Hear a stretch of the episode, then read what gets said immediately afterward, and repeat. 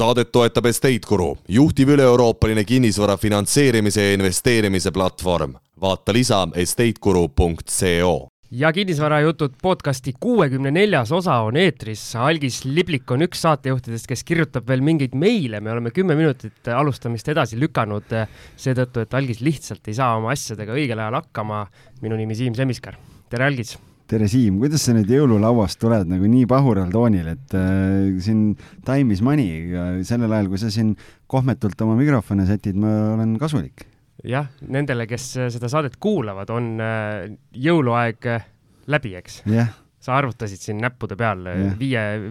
viie plaanis sa oskad arvutada rohkem, rohkem sul see välja ei tule. viie miljonini. jah, nii, aga aitab algisest äh, meil on taas täna külaline stuudios siin Geeniuse stuudiotes ja oleme kutsunud äh, kuuekümne neljandasse osasse investor Mihkel Kuke. ja ma enne, kui annan äh, Mihklile sõna, räägin natuke taustast ka, miks ta meil stuudios on nimelt, kes kuulas meie viiekümne üheksandat osa, kus me viskusime kinnisvara kaitsele ja kaitsesime meie lemmikvaraklassi LHV Foorumi kurjade, kurjade onude ja tädide eest, kes äh, maha tegid ja käskisid hoopis hõbedat osta siis Mihkel kuulas meie saate sellise kaaluka ja tasakaaluka investorina ära ja põhimõtteliselt kirjutas mulle, ütles, et noh, et enam-vähem jutt oli normaalne, aga et natukene tahaks ikkagi ütleme siis oponeerida või äh, laiemat pilti äh, rääkida meile kui kinnisvara suurtele sõpradele. aga võtsime siis sõnasabast kinni ja kutsusime Mihkli stuudiosse ja plaan on selline, et pool saadet räägime Mihkli tegemistest ja senisest teekonnast investorina ja teisest poolest siis võtame selle nii-öelda kurja teema ka ette ja paneme siis, ütleme siis, et Mihkel paneb meile puid alla. aga pikk jutt on seesamune, et tere, Mihkel! tervist ka minu poolt, et tänan saatesse kutsumast! et ma alguses ikkagi küsin selle ära, et mis sind siis pani nagu meile kirjutama, et kuigi me kas, kas Siim pani nii mööda jälle? jah, et kuigi me teises saate pooles võtame nagu täpsemalt selle, aga tee nii-öelda kiire, kiire kokkuvõte? ütleme, see ei olnud võib-olla otseselt teist tulenev probleem, aga kuna ma ise investeerin nagu ka erinevatesse asjadesse, ma tihti näen ka sedasama lähenemist, ütleme, kui ma loen aktsiahuviliste gruppe või krüptoinimeste gruppe, et tihti nagu nende maailm ongi see, et on ainult nagu üks õige investeerimiskoht, et see mind nagu natuke häirib, et see võib-olla tuleb sellest, et portfell on võib-olla alguses väike, et ei vaadata üldse muid asju, aga noh, kuna ma ise olen ka nagu sealt alustanud ja nagu lõpuks ikkagi jõudnud sinna, et on vaja ka mõista nagu teisi asju mingil määral ja see pigem nagu aitab seda tootlust tõsta, see aitab nagu aru saama paljudes muudes asjades ka mõjutada, et et siis nagu inimestel võib-olla aidata nagu kohale tuua seda, et, et miks tasuks nagu uurida ka teiste asjade kohta ja mitte nagu väga olla niisuguse lähenemisega, et et minu varaklass on haamer ja kõik ülejäänud asjad on naelad, et, et sobib kõige jaoks, et see alati ei ole nagu kõige parem variant. väga hea, väike selline diiser eh, on meil tehtud, eh, ehk siis oodake saate teist osa, aga enne seda tuleb võib-olla isegi veel põnevam, sest eh, kuulame ja küsime ja tahame teada, kuidas Mihkel ise oma investeerimisteekonnal liikunud on ja, ja meie algisega saime tema käest sellise sellise ettekande, kus äh, kogu see teekond on nii-öelda peopesa peal ja hakkame sealt äh, vaikselt minema, aga alustame lõpust, et millega sa hetkel igapäevaselt tegeled? jah, ütleme igapäevatöö mul on IT-turvalisus, kus ma olen nüüdseks juba üle kaheteist aasta töötanud, ma olen töötanud nii kaitseväes, riigisektoris, erasektoris, rahvusvahelistes korporatsioonides, et ega need rollid on nagu väga erinevad olnud, et noh, IT-audiitor, infoturbejuht, läbistustestija ja noh, tänapäeva tänaseks sellest on saanud pigem niisugune, ütleme, nendes valdkondades meeskondade ja äride juhtimine juba ja ja ütleme, võib-olla siis mõnedes keerukamates projektides ka ütleme, nõu-, nõustaja roll. ütle ausalt Eesti inimestele, kas IT-sektoris on äh, palgabuum, nagu öeldakse? ei no niisugune kolmkümmend prossa aastas palgatõus on okei. Okay.. alla selle, alla selle ei ole nagu vaja rääkima tulla, et nii on päris hea investor olla. On abiks. Pole paha tootlus jah ja., aga lähme siis, eh, kui me tänase päeva oleme selgeks teinud, lähme ajas tagasi, et kuidas üldse sinu investeerimisteekond algas, millal see algas ja mis need esimesed sulpsatused olid, mis sa tegid? no ütleme, enda investeerimisteekonna alguseks loen niisugune kaks tuhat kuusteist aasta, et, et taustaks võib-olla, et noh, selleks ajaks mul ikkagi niisugune baasfinantsarusaam oli olemas, et enne seda ma olin nagu suht masendus natuke oma eluga, kuna ma olin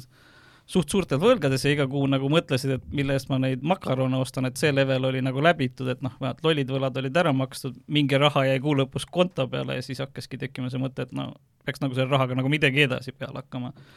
ja siis saigi sõpradega satutud Peeter Pärtli kinnisvarakoolitusele, kus seal mängiti cashflow'd, siis tundus nagu niisugune huvitav, esialgu midagi aru ei saanud seal paari tunni jooksul, siis vist ostsime selle mängu kaasa, mängime kodus, tundus nagu mõistlik idee, et okei okay,, raha ei ole, lähen ostan kinnisvara, saan raha. ja siis saigi enam-vähem kohe nagu praktikasse lükatud, vaadatud, et G-pank on nõus nelikümmend viis tuhat euri laene andma, mis, mis sellest nagu osta saab ja siis selle lõpptulemus oligi, et sai Pärnusse ostetud üks kahetoaline korter nagu sada prossa laenuga. nii et sina alustasid ikkagi kinnisvarast? Jah, et, et ma ei lastud ennast sellest häirida, et seal peaks olema mingi entry level või midagi, et noh, ma olen samal ajal kuulnud, et noh, kõik teevad mingit ühisrahastust, et hakkame kümne euroga pihta, et see tundus mu jaoks nagu igav, mõtlesin nagu no kui siis juba suurelt. aga mind huvitab see, et sa rääkisid, nii-öelda puudutasid kergelt, et sul olid suured võlad ja selline nii-öelda masendus, et aga aga kuidas saab äh, nagu nii suurt pööret teha, et sa räägid, et sa oled kuidagi võlgadesse sattunud ja siis järgmisel hetkel põhimõtteliselt sa nii-öelda investeerid? Eks, eks mul ikka paar aastat võttis aega neid asju maksma, et noh, mul päris ütleme, niisugune mingi SMS-laenu, niisugust väga, väga lolli laenu ei olnud, aga noh, eks ikka oli mingid õppelaenud, mingi, ma ei tea, teleka järelmaksud, telefoni järelmaksud, et noh, need ei ole mingid megasuured summad, aga noh, need kuumaksed ikkagi noh,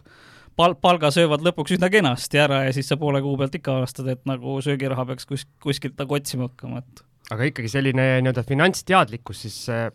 oli tol ajal, kui sa neid äh, nii-öelda liisinguid ja laene võtsid äh,, ei olnud nii hea, jah? no algus kindlasti mitte, et sealt pigem saigi see alguse, et ma lugesin paar raamatut läbi, seal öeldi, et noh, tee eelarve, vaata, mis sul need võlad on, noh, vaata, kus sa saad hakata neid otsast nagu tagasi maksma ja siis noh, mingi hetk sa jõuadki sinna punkti, et okei okay,, võlad on makstud, nüüd see võlgade maksmise raha iga kuu hakkab nagu üle jääma ja sellega saab hakata nagu edasi mõtlema, et nüüd võiks nagu midagi nagu teha, et võib-olla tuleb kuskilt lisaraha veel. kui keegi täna meie kuulajatest on sellises olukorras, et ta on seal makaronide peal ja mõtleb, kuidas sealt välja saada, mis need raamatusoovitused on, mida, mis sind ennast aitasid? no üldiselt sellel hetkel veel nii palju, ütleme, Eesti kirjandust ei olnud, et ma, mu enamus algust on ikkagi saanud, ütleme, USA, USA kirjanduse baasil, et seal sa pead natuke kohandama teat-, teatud infot Eestisse, et tänapäeval noh, Jaak Roosaare rikkaks saamise õpik on nagu päris hea, et noh, ta on al-, alusmaterjaliks väga palju neid ra-, samu raamatuid kasutanud, mida ma inglise keeles lugesin ja lihtsalt need juba ära kohas, kohandanud nagu Eesti, Eesti nagu keskkonna peale, et et ma arvan, niisugune rikkaks saamise õpik ja noh, Dave Ramsey't saab kuulata, et noh, ta on niisugune tüüpiline võlavihkaja, et noh, sealt saab kõvasti motivatsiooni, et võla, võlast välja saada, et aga kuidas sul see nii-öelda sõpruskond ja tut-, tutvusringkond oli, et kas äh, seal oli ka pigem selline nii-öelda võib-olla keskmine eestlane, kellel ongi telekaliising ja autoliising ja veel mingid liisingud kaelas äh, ja kes väga investeerimisele ei mõtle, vaid siis, kui need äh, suured nii-öelda IPO rallid on ja kõik, kõik taksojuhid ka räägivad investeerimisest või sul oli need in-, investorid ka sõprade hulgas? viis aastat tagasi pigem oli see jah, see teine variant, et niisugune tüüpiline eestlane, et noh, saan palka, vaja uus telekas osta, võib-olla ei ole palk, palgapäeva lõpuks seda raha, võtame järelmaksu peale, et noh, niisugune noh, kahju öelda, aga niisugune kesk, keskmise eestlase tavaline elu, et noh, sellel ajal see investeerimine minu arust ei olnud ka veel nagu nii megamassides, et see, see on pigem tekkinud niisuguse viimase paari aasta raames, kui see pensioniraha vabaks läks ja see on nagu aidanud seda kuidagi rohkem massidesse tuua, et siis ta pigem oli niisugune ikkagi niš-, nišiteema ja noh, sul pigem olidki meid Kristi Saare ja Tauri Allase saade umbes, mida kuulata ja seal võib-olla paar blogi ka veel, aga noh, sellega see asi nagu ka nagu piirdus, kui sa nagu mingit Eesti infot umbes otsisid. okei okay,, aga ütlesid, et alustasid kinnisvarast, alustasid, hüppasid kohe suurelt sisse, et aga käime korra jälle tänapäevas ära, et äh, milline su investeerimisportfell praegu välja näeb, et ja, ja kui suur osa selles on kinnisvaras, kui suur osa on teistes varaklassides jah, et ütleme, tänaseks viis aastat investeerinud, see portfell on natuke üle miljoni juba, sellest netovara on nelisada viiskümmend tuhat rahvli, seal ma arvan, on natuke alahinnatud kinnisvara, kuna enamus hindamisakte on kuskilt suvest, et, et nagu enamus teab ilmselt see kinnisvara siin poole aastaga tõenäoliselt on nagu julgelt jälle edasi rallinud. et osakaalude mõttes on umbes kakskümmend kaks protsenti on aktsiates, mis omakorda jaguneb siis peamiselt üksikaktsiates on tehnoloogiasektor umbes kolmandik on sellest erinevates indeksfondides, mingi osakaal on krüptos ja ka natuke on Balti turu aktsiaid. ja siis niisugune su-, suurem enamus on kinnisvaras, mis on roughly seitsekümmend kolm protsenti portfellist, et see koosneb põhimõtteliselt kolmest suurest korterist hetkel ja noh, plaanis on ka seda lähi, lähiaasta alguses nagu laiendama hakata ja niisugune väga väike osakaal, ütleme, mis on, on jäänud, ütleme, mis enne oli suurem, on ühisrahastuses, aga kuna ütleme, hetke majandusolukord ja see ühisrahastu turg ka samamoodi ei soosi seda keskkonda enam, siis pigem see on nagu ikka viimased aasta nagu jul-, julgelt vähenemistempos olnud ja umbes kolm protsenti on lihtsalt, lihtsalt puhas raha.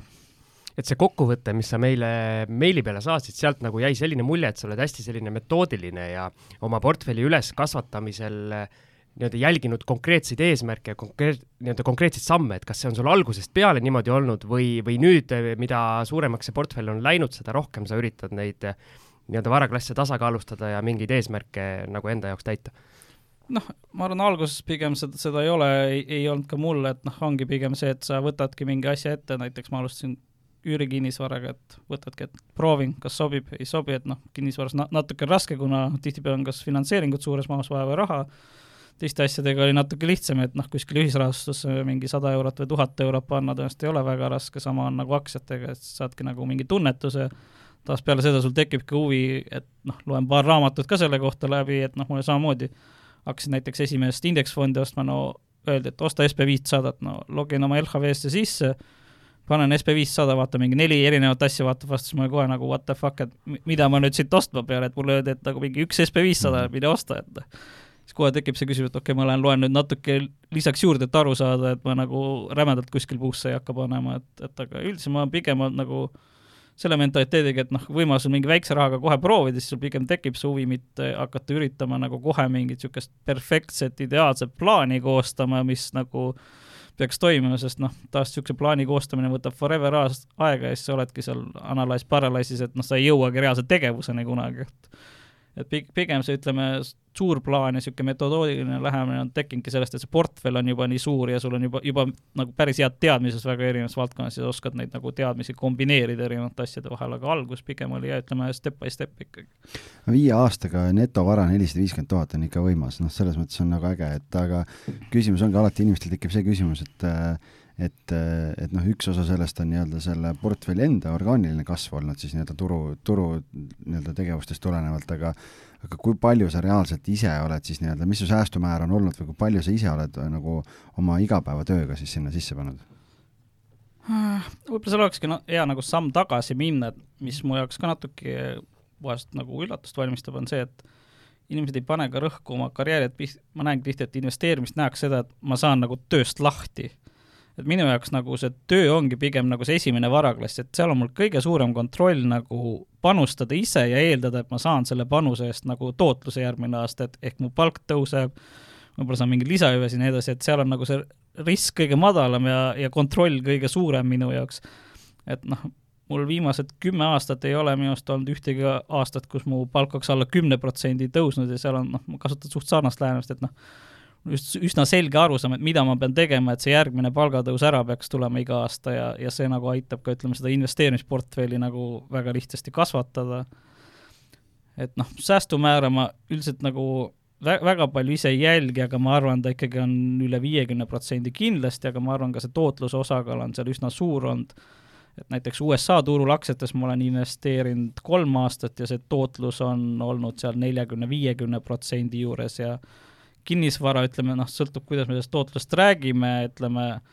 kuna ma teen nagu enamus kortereid sajaprotsendise võimendusega, siis see põhimõtteliselt on nagu tasuta lisaraha mulle, et, et mul nagu see tootluse number, numbrina läheb jaburaks, et et seal noh, isegi see omakapitali tootlus on niisugune jabur number, et sellega mul ei ole midagi teha, aga ka need summad sealt on olnud nagu üsna, üsna nagu niisugused suured panused sellesse tulemusse. aga kas me saame siit siis tänase saate väga, väga konkreetse esimese nõuande palgatöötajatele, et kõige parem eh, nii-öelda investeering ongi iseendasse, et samamoodi äh, panna endale paika see, mida sa palgatöölt iga aasta tahad saada, kui suurt palgatõusu, mõelda see enda jaoks läbi, teha need tegevused ära ja minna ja ülemusele see selgeks teha? tõenäoliselt küll, et noh, tihti ei saadagi aru, et noh, saadaks, läheks, minnakse tööle, sa oled seal tööl, mõtled, et no nii, nii see asi peaks kümme aastat siin olema, aga tihti sul on ikkagi väga suur võimalus seda tööd nagu ise suunata, mõjutada, et noh, mu eelmistel töökohtadel mul oli nagu pigem oluline, ma saaks nagu palju reisida või õppida, et noh, sa saadki mõjuta seda, et okei okay,, ma võtan võib-olla tööülesande, mille kaudu ma saangi võib-olla reisida, ma võtangi võib-olla mingid niisugused tööd, kus mind saadetaksegi mingi koolitustele, asjadele, et, et sa saadki juhtida seda nagu, mis su eesmärk on, mida sa sellest tööst saada tahad, noh, enamus inimesi, ma arvan, saab sellest väga hästi aru, et noh, riigisektori palgad tõenäoliselt ei ole tavaliselt kõige suurepärasemad, et noh, kui sa nagu suurt palka tahad, noh siis sa ei saa sellepärast minna nagu riigisektorisse, siis sa pigem vaatadki, et okei okay,, mul on suuremat palka vaja, ma lähen võib-olla mõnda startup'i, ma lähen võib-olla erasektorisse, et sa pead nagu juba sisenedes natuke paika panema ja seal töö käigus ka tihti sa saad mõjutada seda oma suunda, et ma näiteks KPMG-s alustasin ka spetsialistina, praegu ma olen juba, ütleme, juhin suuri meeskondi, et noh, see võib töö käigus seal väga kiiresti muutuda, kui sa näitad, et sa suudad seda teha, sa suudad tulemust tuua, siis üldiselt ei ole vastuväiteid, et miks ei saa. Jah, siin tegelikult äh, minu meelest äh, äh, Robert Kiyosaki on ka seda, meil on hästi palju külalisi seda rääkinud, Rikas ja vaenlase raamatust on, on ka seda öelnud kunagi, et et noh, me räägime, kui rääkida investeerimisest ja säästmisest, noh, et viiekümne protsendi klubi ja, ja kõik, kõik see asi, et siis tegelikult noh, üks asi on oluline see, et sa oskad nagu säästa, teine asi on oluline, on see, et mina olen alati ka seda meelt olnud, et et mida Kiyosaki ka on öelnud, et mõtle, kuidas sa saad oma sissetulekuid suurendada. et äh, täna on kõik võimalused on ju selle jaoks olemas, et äh, ja, ja minu meelest praegu siit tuleb väga hästi välja tegelikult, et et, et me oleme rääkinud nagu selles võtmes, et ma ei tea, lähed teed mingeid lisatööampse kuskil või midagi, noh et et ma ei tea, oled kuller või keegi, aga siin on täna laua taga näide, kus isegi ei pea nagu võib-olla töökoha pealt väljapoole vaatama, vaid, vaid mõtledki strateegiliselt ja, ja pühendud sellele, et töö juures siis nii-öelda üles töötada ennast selle konkreetse töökoha peal. no selle kohta Kristjan Liivamäe hästi öelnud, et noh, säästmisega sa ei saa nagu rikkaks saada, et no sul ikkagi tuleb see põrand ette, et noh, kui sa oled väga loominguline, et sa võib-olla tõesti suudad null, null euroga elada, aga noh, kui see sissetulek on ikkagi tuhat eurot, siis see tempo on ikkagi kahjuks natuke masendav. ja noh, see mõnu kaob ka ära sealt, et noh, et kui sa ainult nagu iga päev agoonias oled kogu aeg, siis siis see võib-olla ei peaks see eesmärk olema. enamasti inimeste teekond on ikka niisugune viis, kümme, kakskümmend aastat, et noh, kakskümmend aastat vireleda ei, ei tundu nagu see elu, mis nagu kuidagi nagu oleks sümpaatne, et noh, see lisatöö kohta ma ise teen, töötan ka mitmes kohas, aga seal mul taaskord on natuke erineva arusaam, et tihti, tihti nähaksegi seda, et et sa skaleerid nagu kohe, ütleme, niisugust entry level'i tööd, mis mu jaoks on natuke halb sest seal sul ikkagi see, mida sa saad väärtusena, sa müüdki põhimõtteliselt tundi, et sul ei ole väga palju seda, et ma müün nagu oma oskust või, või töö tulemust. et ma pigem ise olen läinud seda, et sa oledki nagu milleski väga hea ja siis sa seal tipptaseme tööd nagu skaleerid ja seal sul ütleme, ei eeldata, et sa pead nelikümmend tundi või kuskilt tiksuma, seal eeldaksegi, et siin on see asi, mis me tahame saada, kui sa teed selle ära tunni ajaga, kahe tunniga või neljakümne tunniga, see meid nii väga ei, ei huvita, me tahame tulemust väga, väga huvitav, aga, aga mina siia ütlen nii-öelda tavainimese vaatest vahele, aga, aga töö tegemine on ju raske. miks ma peaks tööd tegema? no taaskord see sõltub see, et kui sa nagu oled vales valdkonnas või, või tihti ei saada nagu aru, et et mi-, miks see raske on, et, et kui sa enamusele ütled, et noh, ma ei tea, sport on hea näide, et noh, mine jookse või mängi jalgpalli, et noh, kui sa oled seal nagu koba, no siis tõesti on nagu, nagu nõme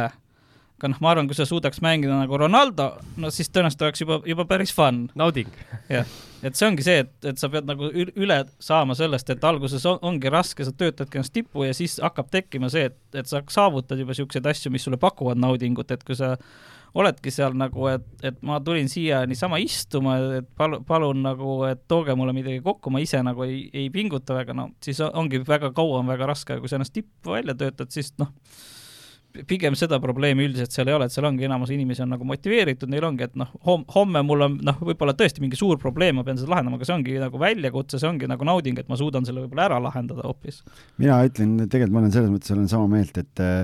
et kui Siim ütleb, et töö tegemine on raske või, või noh, et kui mulle selle koha pealt meeldib hästi äh, meie kuuekümnenda juubelisaate külaline Tiit Trofimov on hästi öelnud selle kohta, et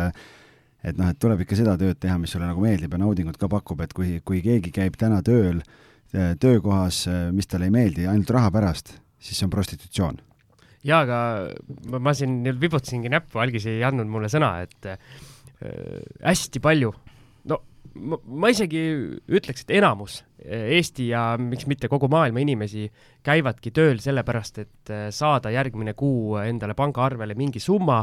ja see nii-öelda Mihkli, Mihkli jutt on selles mõttes äh, nii-öelda ideaal, et võiks ennast ise arendada, pürgida kuskile kõrgemale, aga, aga paljud inimesed jäävadki oma sellele nii-öelda entry level töökohale,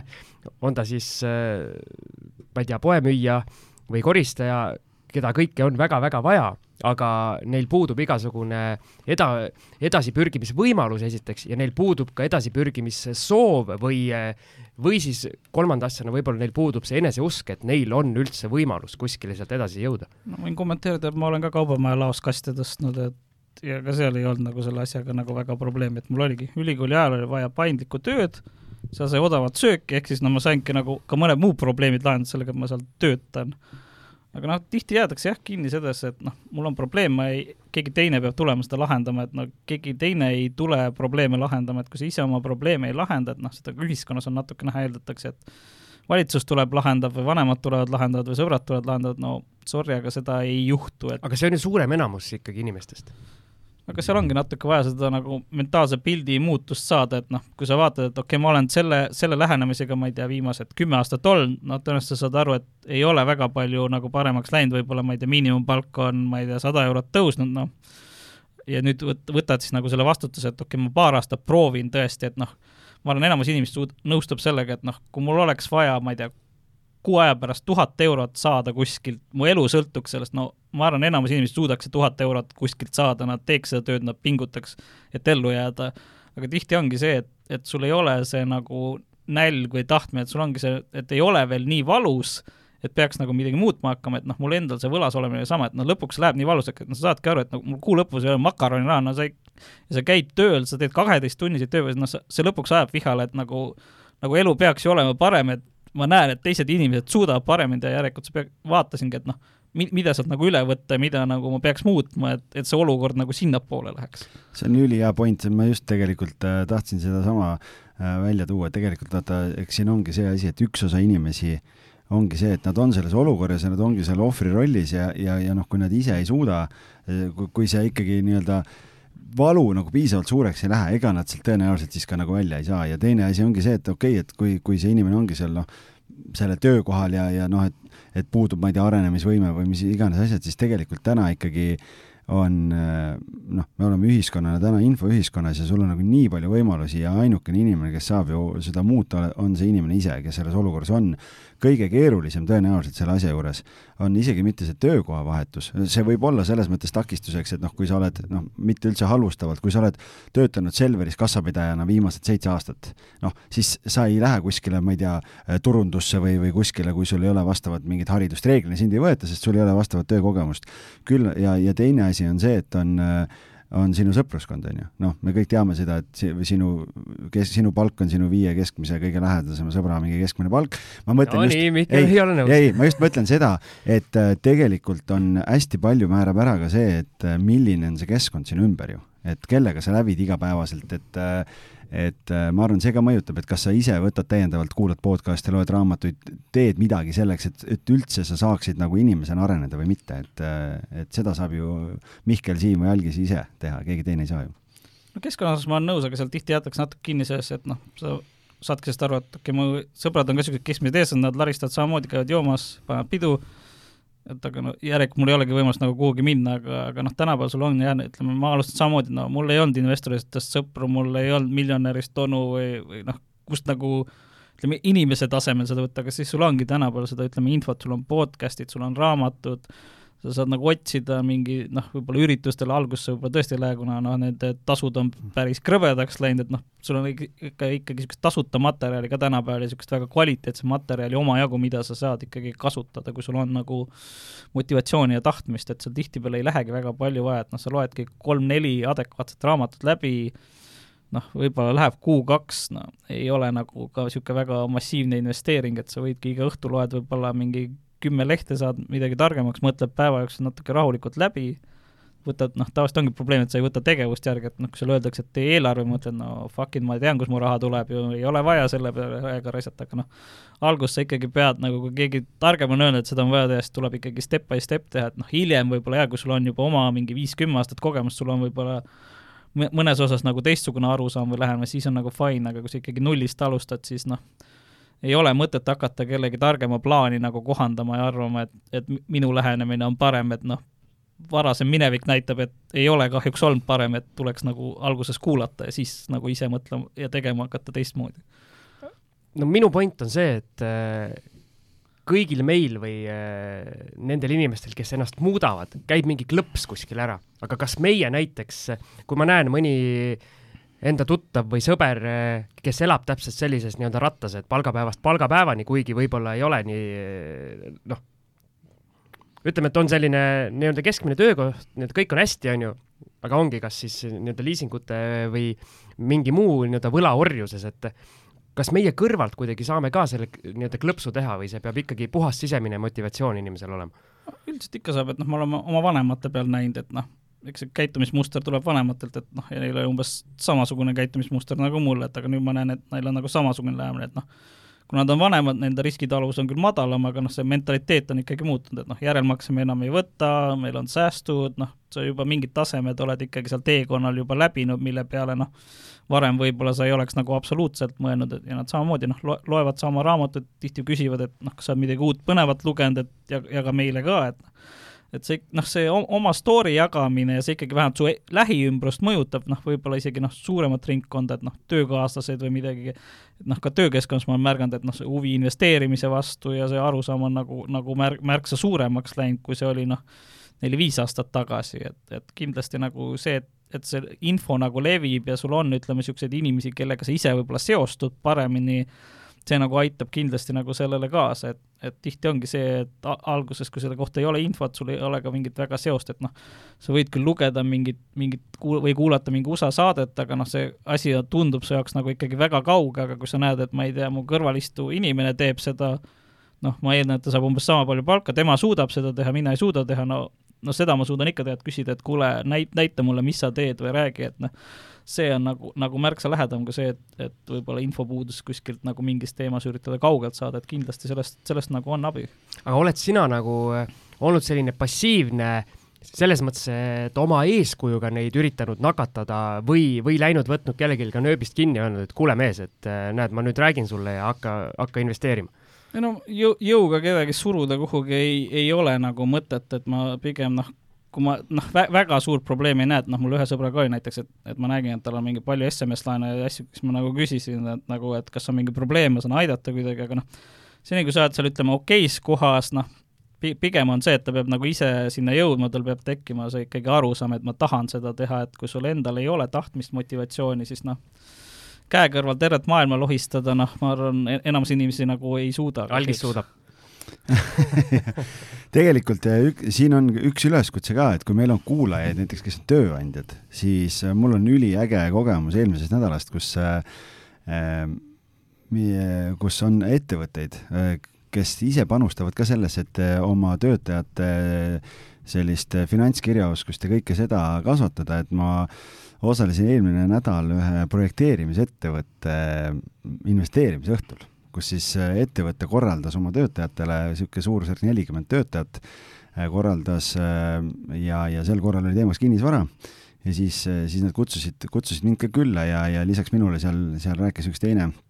inimene veel ja üle kahekümne inimese oli kohal, et ja neil olid praegused töötajad, endiseid töötajaid, mingeid koostööpartnereid, et nagu väga-väga äge initsiatiiv ja nad on siiamaani teinud seda korra aastas ja, ja tegelikult seal tegevjuht kohapeal ütles ka, et tõenäoliselt nad muudavad seda tihedamaks, et hakkavad kaks korda aastas tegema, et, et järgmine kord võib-olla võtavad aktsiad ja noh, mingid muud varaklassid ka, et, et, et tekitada inimestes seda arusaama, kuidas siis oma teenitud raha nagu targalt äh, investeerida, väga äge. see finantskindluse loomine oma töötajale, see arusaama loomine on kindlasti nagu hea lisaväärtus, et noh, ma arvan, me kõik, noh eriti minu ülemus on näiteks tahan, et mu töötajad oleks rahul noh, sul on raske olla nagu niisugune rahulolev töötaja, niisugune produktiivne töötaja, kui sa pead poole kuu peal mõtlema, et millest ma süüa ostan, et sul hakkab tekkima nagu nii palju muid probleeme, millega sa tegeled, selle asemel, et nagu teha kvaliteetset tööd, et see, et noh, inimesel on mingi elementaarne finantskindlus olemas, see on nagu noh, ma arvan, niisugune üsna loogiline ja vajalik asi paljudele, aga noh, tihti enamus ei saagi võib-olla aru, kuida-, kuidas selleni jõuda aga ülimalt äge, me siin saates, ma ei tea, kas me oleme nii laialt ja nii pikalt neid äh, finantskirjaoskuse teemasid äh, üldse puudutanud, aga ei no ülioluline üliäge, minu arust sellest võikski rääkima jääda, et see on nii põnev. Aga tuleme Mihkliga nüüd tagasi natukene konkreetsemate asjade juurde, et räägi, kuna sa oled väga paljudes erinevates varaklassides toimetamas ja aktiivselt tegutsemas, et kas sul on tekkinud ka mõni lemmikvaraklass, kuhu kus nagu raha iseenesest tahab voolata. ole nüüd hoolikas selle vastusega, ole meenuta, mis meie saate nimi on ütleme, et, et see varaklass kahjuks nagu klassifitseerub number kaks kohale. aa, okei okay., no no, isegi hästi. number üks nagu mainis, on ikkagi ma ise, et noh, nagu ma enne mm -hmm. välja tõin, et seal on mul väga, väga suur nagu võimalus seda nagu mõjutada, mis sealt tuleb. ja see on ikkagi aluseks sellele, et noh, eraisikuna investeerimis palk, palk nagu panka minnes on number üks asi, mille järgi pank vaatab, et kas saad kinnisvara või ei saa. ja kuna minu kinnisvarad on kõik sada protsenti võimendusega ostetud, siis see ilma palgata ei oleks võimalik, ehk siis ütleme, kõigepealt tuleb töö korda teha, sissetulek korda teha sealt tuleb siis ütleme järgmine samm, selle saate teema, kinnisvarasse tulek, mis mulle ka kindlasti väga meeldib ja ütleme, noh, seal ma olen ka omad valikud teinud, et just niisugused suuremad korterid, kuna noh, minu jaoks see on natuke niisugune meeldivam üüriseltskond, meel-, meeldivam nagu vara, et noh, mingeid tudengeid ja Ukraina ehitajaid kuskil ühetoalises vahetada ei tundu mu jaoks nagu nagu väga hea plaan ja, ja ütleme ka niisugune suuremas pildis mu eesmärgiks oligi, ütleme, seda laenuvõimendust võimalikult palju peale saada ja ütleme, iga kuu pangas käia seletamas, et miks ma nüüd uue ühetoalise ostan, noh, see tundus juba niisugune paras tüütus, et lihtsam on osta nagu suuri tükke. eks noh, peale seda tulevadki niisugused noh, aktsiad, asjad, kus ma pigem eeldan, et ma saan mingit turutootlust, kui mul õnnestub midagi paremat saada, siis on nagu, nagu kena päev, aga ma, ma ei eelda sealt, et ma seal mingi kümme X-i tootluse saan kuskilt, sest ma olen mingi finantsgeenius. see on, äh, tähendab, see vastus meile meeldib, et äh, et nii-öelda kõigepealt ise ja siis kinnisvara, aga, aga algis kõigepealt selle peale, kui sa ütlesid, et number kaks on kinnisvara. mul tõmbas vee kurku. tõmbas pool pudelit vett endale kurku ja köhis siin laua all praegu, õnneks kuuled. ma olen elus tagasi, et vahepeal olin siin ära koolamas juba jah, et aga, aga tule, ma tuleks korra päris sinna algusesse tagasi, et et sa ütlesid, et sa said, ostsid esimese korteri Pärnusse, et miks just Pärnusse siis? no ütleme, see ei ole päris mu esimene korter ka, et ma olin enne ostnud, ütleme, Kalamajas ühe korteri, kus ma ise elasin, aga seda ma no ütleme, ei kaaluks oma esimeseks investeeringutehinguks, et et enamus kodu ei kaalu üldse investeeringuga, aga kuna ma peale selle Pärnu korteri ostmist muutsin selle üürikorteriks, siis noh, ma ütlen, et ka see on nagu ütleme, mingi hetk muutus investeeringuks see Pärnu korter saigi nagu lihtsalt valitud, et noh, ega ma kinnisvarast sel hetkel väga midagi ei tea, et me võime ka mõned ämbrid rääkida läbi, mis selle ostu käigus nagu palun, tulid, tulid. Need ämbrid me, meile kuulajatele ka meeldivad, jah. et, et aga see protsess nagu ütleme, no mingi elementaarsed teadmised mul oli olemas, et noh, läksin panka, kuna ma tahtsin nagu sada prossa laenuga osta, siis ma küsisin nagu, palju raha saab, sain sealt numbri kätte, panin portaali, vaatasin, et no mis selle raha eest saab, noh vaatasin, et no Tallinnas väga ei saa midagi no siis jäidki nagu valikuks, et Viljandi, kus ma olen pärit, et noh, sinna võib-olla oleks okei okay midagi osta ja, ja vaatasin, no Pärnu võib-olla oleks ka nagu okei okay.. oota, ma küsin vahele, sa läksid panka ja ütlesid, et sa tahad sada protsenti eh, mingi kinnisvara ja. ostmiseks laenu, et andke mulle raha ja, ja. ja kõik pangad jooksid käed pikali ja. ja ütlesid, et, et võta. okei mis see saladus on selle taga? kas sul oli mask peas ja mask peas ja relv ööl või? tuleb õige laenuhaldur leida, ütleme nii, et ma olen neli kinnisvaratehingut teinud ja ma olen nendest ainult ühes kümme protsenti sisse maksnud, ülejäänud kolm on kõik sada protsenti. kas see on kuidagi tänu lisatagatistele siis? no e ütleme, esimese, mis ma koduks ostsin, seal ütleme, esimene korter, sul ei ole lisatagatist, siis oli pigem see, et tädi laenas sissemaksuraha ja noh, põhimõtteliselt ikka sada prossa laenuga see teine korter oli hea, et see esimene korter, mis mul koduks oli, ma panin seal lisatagatiseks ja tänu sellele ma sain, ütleme, selle uue korteri osta siis sada protsenti laenuga.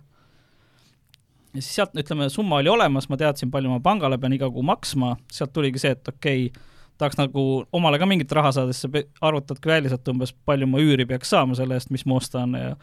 ja sealt, ütleme,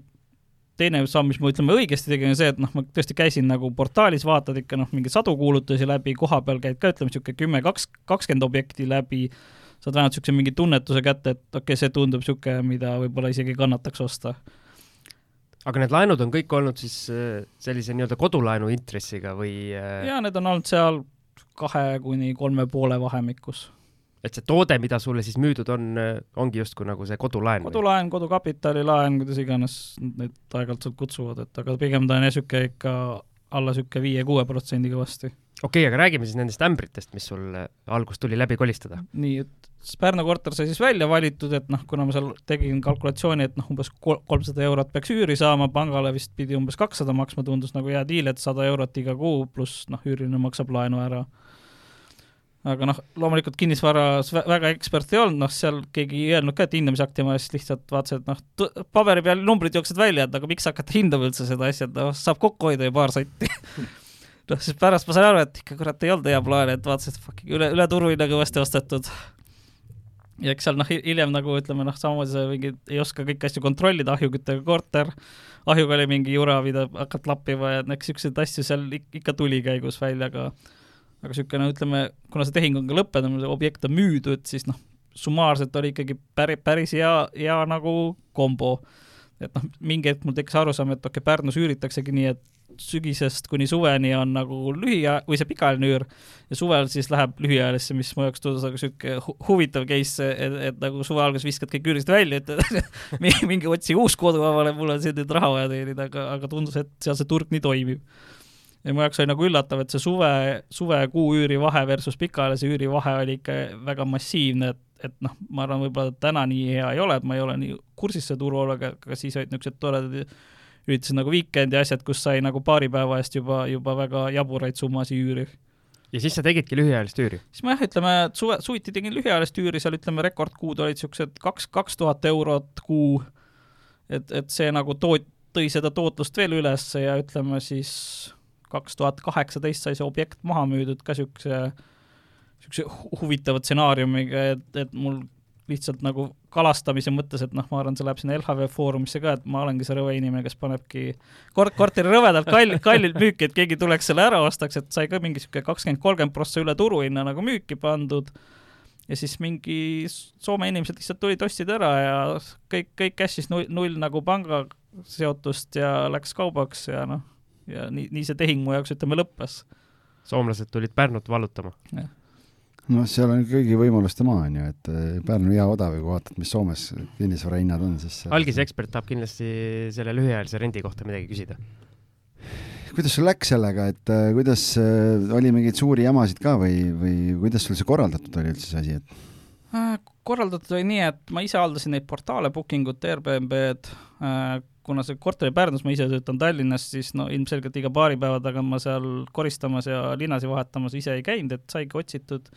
igal aastal ütleme, niisugune kohapealne haldur, õnneks neid seal nagu oli päris mõistlikult saada, kes juba mingeid kortereid tegid, olid nagu rõõmsalt mu ühe nagu juurde võtma sinna, et ja isegi see hinnatase, mis seal oli, et nad võtsid kümme protsenti üürist, oli nagu täiesti aktsepteeritav mu jaoks, et läbi selle nagu sai see, ütleme, logistiline pool lahendatud seal, aga no eks väga suuri probleeme ei olnud, eks niisugust nipet-näpet ikka oli, et noh, on lihtsalt natukene mittetoredad üürised natuke lagastavad ei oska nagu korda hoida või, või on lihtsalt nagu mingid väga imelikud soovid, et, et et see diivan on liiga pehme, et palun mulle siia kahe, kaheks päevaks nagu kõvem diivan tuua ja noh, niisuguseid hu huvitavaid arusaama asjadest ikka oli, aga ütleme, päris niisugust mingit katastroofilist nagu tulemust nagu ei olnud, et pigem nagu või, võib nagu rahule jääda. Okay.. et sul tahtsid sa veel algis midagi? algis sai ammendavad vastused. ühesõnaga, tegid kõik hästi ei no selles mõttes, et ega ekspert no, kiidab. ei, aga mitu aastat sa tegid? Kak-, kaks suve tegin okei okay., no sa, see oli paar aastat äh, tagasi siis, ma saan aru, jah? see oli enne koroonat, jah? see oli ikka enne, enne koroonat. kui sa kaks tuhat kaheksa ei, ega Pärnu puhul ei ole, koroona ei ole kuidagi mõjutanud, pigem on hästi mõjunud, sest siseturism on suurem ju, et okay., et seal ei ole probleemi. aga siis oli jah, Weekend veel, siis seal oli Week-, Weekend oli jah, niisugune suurepärane asi, kus vist kahe-kolme päeva eest said niisugune seitsesada kuni tuhat eurot üüri. mitmekordseks seal hinnad pandi siis? ikka, ikka räme, ei no ma ütlen, noh, mul niisugune tava, tavasuve, terve suvekuu üür oli tavaliselt niisugune kaks tuhat eurot, siis sa said, ütleme, pool sellest paari päeva eest, et, et see raha oli seal ikka jah, ikka külluses. ma ei ole kunagi Weekend'i kontingent olnud, ma ei tea no,. ma, ma olen ikka kunagi käinud seal ja noh, niisugune väga palju rahvast ja, ja tegelikult eks ta noh, vahet ei ole, millises linnas mingi niisugune suur mastaapne üritus toimub, et see tõmbab ikka kalendrid umbe ja hinnad kahe-kolmekordseks. eks tavaliselt üüritigi see korter, ma ei tea, mingi nelja-viie peale, et noh, siis see summa ei tulegi nii massiivne, aga noh, üüri, üürileandjana sa saad ikkagi noh, selle paari päeva eest ikka niisugune täiesti jabura tootluse, et Siim, võid rahulik olla, et kui nüüd suvel tulevad mingid suure, suuremad üritused Pärnus, siis, siis meil on ka nende seltskonnad sees. Nende kuupäevade hinnad on tavapärasest erinevad, et ära muretse, ma hoolitsen selle eest. väga hea, algis kujundab meil hindu Pärnus. okei okay,, aga lähme natuke edasi, et selles lisamaterjalis on sul kirjas ka selline väljend nagu house hacking. nii palju, kui mina olen USA podcast'e kuulanud, siis põhimõtteliselt peaks see siis tähendama seda, et ostetakse kas maja, korter või mingi kortermaja, minnakse sinna ise elama, võetakse üürnikud ka ligi ja justkui siis üürnikud maksavad nii pangalaenu tagasi ja see investor äh, saab siis elada põhimõtteliselt tasuta, aga räägi, kuidas, kuidas sinul see kõik välja nägi? no eks ma selle infoni jõudsin enam-vähem samast kohast, aga siis ma hakkasin vaatama, no okei okay,, duplex, triplex asju Eestis ei eksisteeri, vaata mingi okei okay,, paarismaja, no see on Eesti mõttes ikka niisugune luks, luksteenus, et et niisugust paarismaja nagu ilmselt selleks ei jõua osta ja need numbrid ka tõenäoliselt ei jookse väga välja. et noh, teine variant oligi, et võtadki mingi suurema korteri, üürib mõned toad välja, aga noh, kuna oli sellel hetkel äh, see Kalamäe korter lahtise planeeringuga seal nagu väga ei tee seda, et saigi seda plaani natuke kohandatud, vaadata, et okei okay,, sellest saab päris hea üüri, et võtangi üürilise sinna, tema maksab mul selle korteri kinni, mul jääb sealt vist oli äkki nelisada eurot jääb iga kuu üle, ma vaatan, mis ma selle neljasaja euro eest saan endale üürida. ehk siis põhimõtteliselt üüriline maksab mu Kalamaja korteri kinni ja ta maksab mu üürikorteri kinni ja ma saan nagu rahulikult era, era, elada oma pinna peal, ilma et mul keegi seal sebiks. ühesõnaga, sa ei võtnud endale üürilist nii-öelda kõrvalvoodisse nii-öelda magama, vaid läksid ise üürisid eh, tema poolt makstud raha eest eh, siis odavama pinna lihtsalt. jah, ütleme mul, mul oli see luksus, et noh, kui, kui mul võib-olla tõesti ei oleks mingit, mingit korterit olnud, ma oleks noorem olnud tudeng, noh, mul oleks täiesti fine ka olnud üürida mingi kahe-kolmetoaline, see kuidagi ära split ida nagu, et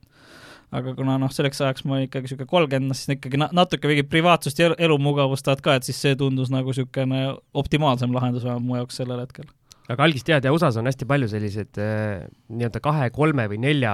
nii-öelda ühikuga maju, mida siis eh, just sellised eh, ka alustavad investorid ostavadki niimoodi, et lähevad ise ühte korterisse või siis eh, ühte ossa elama ja siis võtavad üürnikud sisse igal pool. ja tegelikult Eestis on ka investoreid, kes, kes tegelikult eelmisel reedel oli ka seal investeerimisõhtul oli ka jutuks, et noh, et kuidas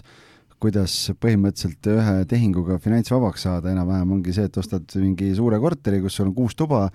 üürid viis tuba välja, ise elad tasuta sees ja sul jääb tõenäoliselt seal nii-öelda pangalaenumaksest jääb seal arvestatav osa üle ja, ja, ja nii-öelda väga-väga ägedalt ja oli nagu lahti kirjutatud, et äh, tegelikult Eestis kasutatakse ka seda varianti, et ise elad ühe-kahe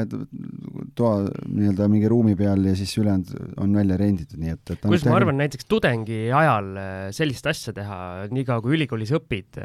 niikuinii otsid sellist nii-öelda seltskondlikku elu, et äh, selline ettevõtlik tudeng võib-olla saab siit mingi, mingi mõtte, et suur viie-kuuetoaline või kas on seitsmetoalisi ka Eestis olemas? ei tea, aga noh, eks seal on see, et kui sul on mingi niisugune sada pluss ruutu korter, sõltub akende, akende paigutusest, kui, kui palju sa neid vaheseinu sinna teha saad, et äh, kaksteist tuba teed ühte. noh, see, no kunagi meil, tubadepõhist äh, äri te, sai tehtud siin kaks tuhat viisteist kuni kaks tuhat seitseteist ju seal One Home'is, siis kõige väiksemad toad olid mingi kuus-seitse ruutu vist. sest olgem ausad, meie pereinimestena enam sellist asja ju ette ei võta, aga ülikooli ajal miks mitte oma Muidugi., oma investeerimiskarjäärile niimoodi hoog sisse lükata. na-, narivoodid sisse, saab veel optimeerida. jah, paneb, algis paneb kõik oma lapsed üksteise otsa, otsa niimoodi magama, et vähem ruumi võtaks ja siis võtab endale kakskümmend üüri, üürilist sisse. ja siis ise lähen kõige ülesse veel, et äh, sealt et kui alla kukud, siis on kõige kõrgemal. okei okay,, nii lähme edasi, aga kus me jäime nüüd, nii house hacking ust rääkisime ära. ahah, sul on portfellis äh, hetkel siis suured korterid, sa oled ise kirja pannud, et üheksakümmend kuni sada ruutmeetrit, et et kas see on selles mõttes teadlik valik, et äh, sa müüsid selle Pärnu korteri maha ja kas sealt, sealt kuidagi tekkis see soov, et tahad neid äh, just nagu seda segmenti endale portfelli? Üldiselt jah, peale seda ma olen nagu ostnudki niisuguseid suuri ainult juurde, et on tulnud, ütleme, üks sinna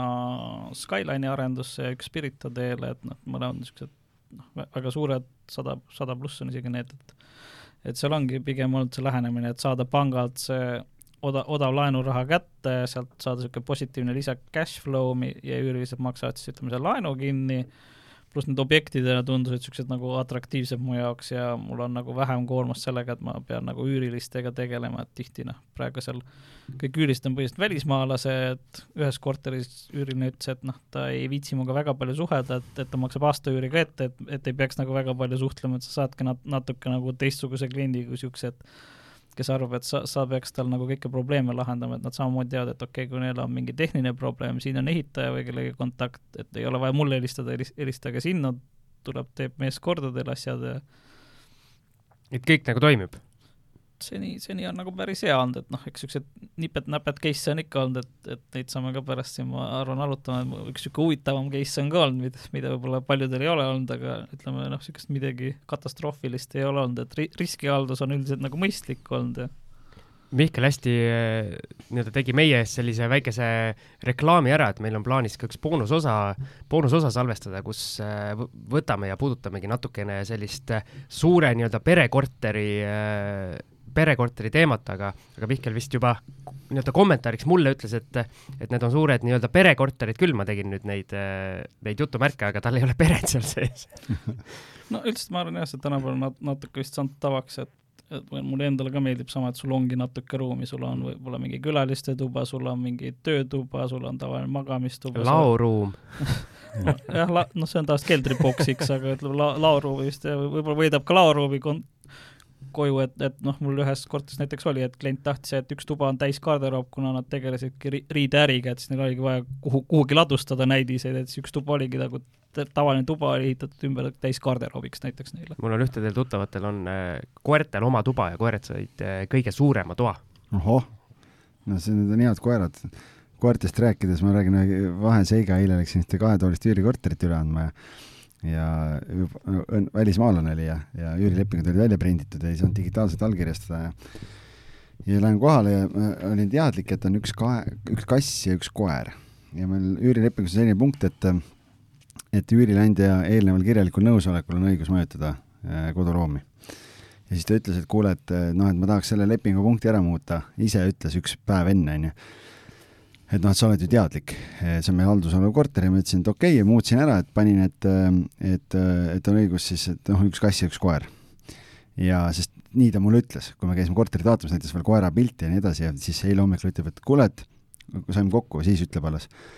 et, et seal lepingus on ikkagi see, ma hakkasin mõtlema, et seal on, see sõnastus on ikkagi vale.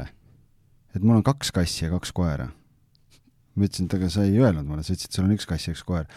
ja siis hakkas seal kokutama ja vabandama ja nii edasi ja, ja no et see ei olnud ikka ta taotluslik ja nii edasi, ma ütlesin, et ja, jah, et sa, sa ju kindlasti ei tea, mitu kassi ja mitu koera sul on, onju, et noh, läks meelest ära, tollel päeval, kui me kohtusime, sul läks meelest ära, et tegelikult sul on nagu rohkem, onju. ja siis ma ütlesin, sorry, aga ma ei, ei saagi sulle korterit üle anda ja, ja nüüd jäi nagu diil katki, et noh, et uh, uskumatu inimene tahab kahetoalisse korterisse kolida nelja koduloomaga, et uh, et mõtle, kui poleks sõnastust muutnud, polekski välja tulnud, nii et, et, et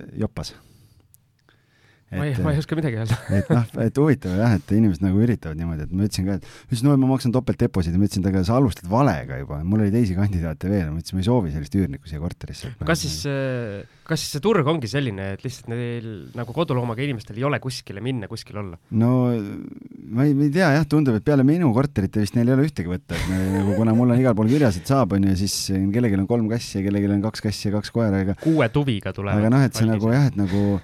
ma üldse imestan, et Venemaalt ka tulevad veel siia noh, tööle, et siis nagu, et üliraske tõenäoliselt ma ütlesin ka, et, et sa otsid nagu uue, uue korteri, et sa pead tõenäoliselt leidma mingi korteri, kus on amortiseerunud juba või nagu, et ta on keskmises seisukorras. et siis sa saad võib-olla üürileandjaga kokkuleppele, et et kui sul on siin neli kodulooma, siis mis see tuhat seitsesada eurot deposiiti, noh, see nagu, see ei kata neid, neid kahjusid ära, mis siin võib nagu tulla. Mihkel, mitu kodulooma sul lubatud on? Ja no üldiselt, mis ei ole nagu uusarendus olnud, seal ma olen nagu kaalunud, aga pigem ta on niisugune case by case, et noh, kui keegi mulle Berhantriiniga tuleb, ütleme, tahaks siia kolida, siis on pigem võib-olla no-go, aga kui on mingi noh, ma ei tea, väike käekotikoer ja. ja mingi hästi kasvatatud, siis võib-olla nagu kaalutav, et noh, kas ta pigem on jah, nagu, nagu niisugune hindamisküsimus, et noh, kui keegi tuleks kahe koera, kahe kassiga, siis ilm, ilmselt oleks vast-, vastus ei aga räägi, kas sul on äh, rääkida meile siis mõni põnev lugu, kas siis ostuprotsessist või äh, üürile andmisest või, või mõnest müügiprotsessist või midagi? ütleme jah, võib-olla üüriprotsessist oleks siis see lugu, et, et, sattus niisugune huvitav üüriline, et üürsingi seda Kalamaja korterit välja, inimene kirjutas mulle, et noh, sooviks, sooviks uur-, üürida, et vaatasin, noh, okei okay,, saime, saime kokku, vaatas üle, ütles sobib, siis noh, nagu ikka tegime väikse background check'i, vaatan, et tuleb välja, et inimene on kunagi nark-, narkodiilimisega nagu vahele jäänud. mingi kanepi case'id, asjad on, siis küsisin, et noh, kuna see oli juba, ma peast ei mäleta, aga see oli ikka niisugune viis pluss aastat tagasi, et noh, võib-olla tõesti inimene on muutunud vahepeal, et noh, oma asjad ära, ära kandnud, värki-särki, et noh, riietus ja selle poolest tundus nagu niisugune viisakas, korralik inimene, ütles ja, ja et, et kõik, kõik on okei okay., et noh, siis ma vaatasin nagu, nagu fine, et noh, aga igaks juhuks nagu panin, et noh, tagatisraha on kolmekordne võrreldes tavalisega just, just in case. aga ma küsin vahele, kas sa ise tõstatasid temaga selle teema nagu nüüd ülesse või? ja ma ikka ise otse küsin, et noh, ma meediast näen, et su kohta on niisugused artiklid olnud, kuna see on nagu täiesti ava-, avalik info, et nagu mi, mis teema on ja kas see on nagu praegu ka teema, et noh, siis ma tõenäoliselt oleks nagu kohe öelnud, et nagu, et jätame poole selle plaani aga kuna ta ise ütles, et nagu kõik on okei okay ja noh, kohe esmaselt nagu arusaaval ei, ei tundnud ka probleemi, siis noh li, liikusime edasi, et noh, aga noh, siis juba lep-, lepingu sõlmimisel ma sain aru, et ilmselt tuleb probleem varsti, sest noh, üüri maksti sularahas, võeti niisugune viis tuhat eurot sulli välja siis ma juba arvasin, et jaa et see ilmselt väga kaua ei kesta ja ilmselt jäi niisugune pool aastat oli niisugune enam-vähem rahulik, siis hakkas, siis hakkas nagu juhtuma juba nagu huvitavamaid asju. näiteks? No eks ikka mingi üür hakkas hiljem ei saa maksta ja mingid teemad hakkasid tekkima, et olen välismaal ja nii edasi ja siis, siis lõpuks hakkas politsei juba, juba ta vastu mm. huvi tundma ja siis ta nagu kadus nagu täitsa ära pildilt. Ju siis tal see turg natukene kiratses tol hetkel, kui üüri, üüri ei saanud maksta. aga õnneks see, ütleme, see deposiidiraha kat-, kattis nagu need, need aug, augud ja võlad ilusti na, nagu ära, et ütleme, niisugust mingit, mingit lossi sealt nagu eriti ei tulnud, aga ütleme, niisugune väga tihti ei näe, et Jüri tuleb siukse me mega raha sullipakiga. sõna nagu otseses mõttes löödi raha, rahapakiga pikali mul on olnud üks äh, üürile soovija olnud äh, suht sarnane, kus nii-öelda guugeldades tuli välja, et ta on äh, Soomes äh, Soomes, ma nüüd ei mäleta, kas ta oli tingimisi karistatud või ta päris istus ka natukene ja siis äh, sai äh, sai seal nii-öelda, visati riigist välja ja sai sissesõidukeelu mingiks viieks aastaks ja sellepärast ta mu korterit üürida tahtski, et see sissesõidukeeld oli umbes poole peal, ehk siis ta tegelikult oli nii-öelda pikalt Soomes elanud ja seal tööd teinud, aga siis ilmselt mingi, mingi pahandusega hakkama saanud, ma enam täpselt ei mäleta, mis see oli. aga jätsin ka katki seal no selles mõttes on, et tegelikult äh, mul käis ka eile või üleeile käis siin ühte korterit vaatamas. sul on kõik asjad juhtuvad eile või üleeile, see ei ole usutav. no see ikka, eile jah, eile oli see jah, et äh, üks noor kutt käis korterit vaatamas, onju, ja ja telefonis äh, rääkis, kõik jutt oli ilus ja tuleb kohale ja noh, siis ma ütlesin ka, et ma teen taustakontrollid, asjad ära ja ja, ja noh, et kõik, vaatan ettevõtte taustalt kõik asjad üle ja siis ta ütleb, et aa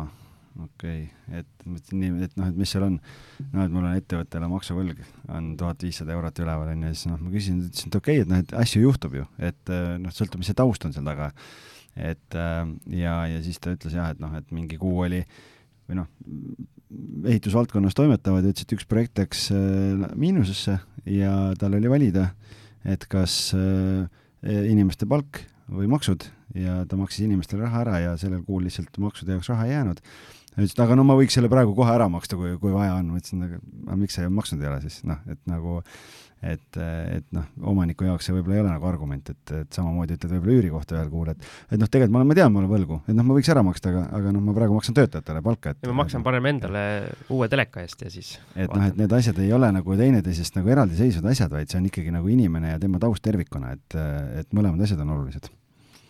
eks noh, sealt suurema kahtluse puhul ma olen ka palunud inimestele, et palun mulle kuue kuu pangaväljavõtet, seda nagu annab nagu ikka väga täispildi, millega see inimene tegeleb ja kas tal nagu kuu lõpus on raha üldse, et üüri maksta ja nii edasi, et noh. siis paned Ctrl F, paned äh, Veenus ja mingid muud kohad ja siis vaatad üle, et, et kui palju kuskil käiakse või et äh, nojah, nii ta on. Veenuses ei saa käia, üksteist pannakse ju kõik kohad kinni praegu no.. aga meil tegelikult oli plaan äh, saate teises osas teha, teha see nii-öelda väike see vastukaja, aga meil on peaaegu viiskümmend viis minutit, ehk siis paneme siia kõlli vahele ja teeme selle saate teise osa ära.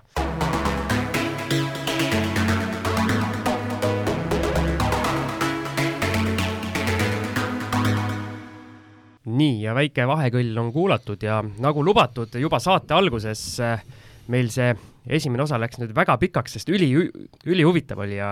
algisele ja, ja loomulikult mulle ka väga meeldis, et tuli see selline suurem teema ka sisse, see